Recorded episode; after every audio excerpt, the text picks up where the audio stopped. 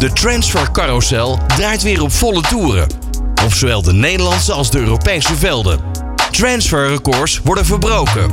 En spelers worden verleid door megasalarissen in Saoedi-Arabië. Maar ook grote verrassingen liggen op de loer. Blijf met All Sports Radio op de hoogte.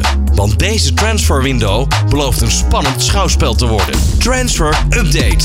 Feyenoord die zou zich bij Fluminense hebben gemeld voor de diensten van rechtsback Claudio Rodriguez Gomez, ook wel Guga genoemd. De Rotterdamse club zou al een voorstel hebben ingediend ter waarde van 5 miljoen euro. En daarvoor zou Feyenoord 80% van de transferrechten tegemoet willen zien.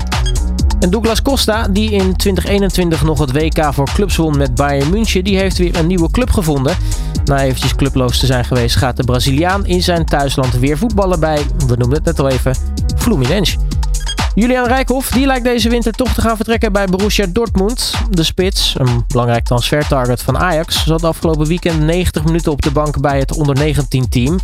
Wat we precies besproken hebben blijft tussen hem en mij, maar we hebben samen besloten hem vandaag op de bank te houden omdat er op dit moment veel aan de hand is met Julian, al dus de trainer. Het kan dus zomaar zijn dat Dortmund een eh, mogelijke transfer niet in gevaar wil brengen.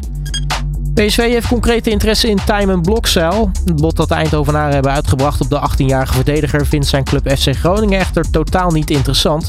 PSV schijnt 5 ton over te hebben voor Blokzeil. Dan blijven we ook even in Eindhoven, want PSV ontvangt een hogere transfersom voor Jorbe Vertessen dan gedacht.